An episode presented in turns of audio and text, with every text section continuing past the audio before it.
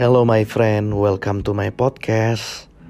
Renungan hari ini judulnya adalah Bahasa Kasih. Kolose 3 ayat yang ke-14 Dan di atas semuanya itu kenakanlah kasih sebagai pengikat yang mempersatukan dan menyempurnakan. Amin. Bahasa kasih adalah bahasa tertinggi yang mengalahkan segala bahasa yang ada di muka bumi. Tidak ada bahasa yang lebih universal dari bahasa kasih. Jika Anda mahir berbahasa Inggris, tetap saja ada orang-orang yang tidak memahaminya. Lain cerita dengan bahasa kasih. Bahasa kasih bisa dipahami oleh semua manusia, bahkan hewan sekalipun tahu ketika dia dikasih oleh majikannya.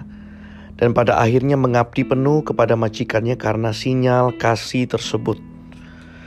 Apa bahasa kasih yang hari-hari ini Anda pakai dan gunakan? Apakah caci maki, hujatan, ujaran kebencian? Itu semua akan membuat hubungan apa pun jadi hancur total. Pelajarilah bahwa bahasa kasih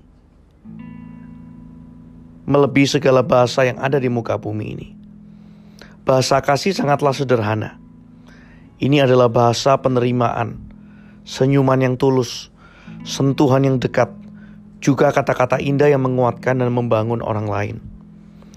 Kalau setiga ayat yang ke-14 mengatakan bahwa Kasihlah yang mengikat banyak orang menjadi satu kesatuan, bukan ambisi atau agenda pribadi. Namun bukan hanya menyatukan, juga menyempurnakan. Artinya kasih bisa membuat diri kita dengan rela menambah nilai orang lain, membangun kehidupan orang lain. Sungguh indah bukan? Anda pasti akan menjadi berkat untuk semua orang jika Anda belajar menggunakan bahasa kasih. 1 Korintus 13 mengatakan, Anda boleh mempunyai segalanya, tapi tanpa kasih, semuanya nol besar. Jadi apa yang Anda tunggu? Let's pray. Bapa, kami ingin menjadi saluran kasih-Mu untuk semua orang. Amin.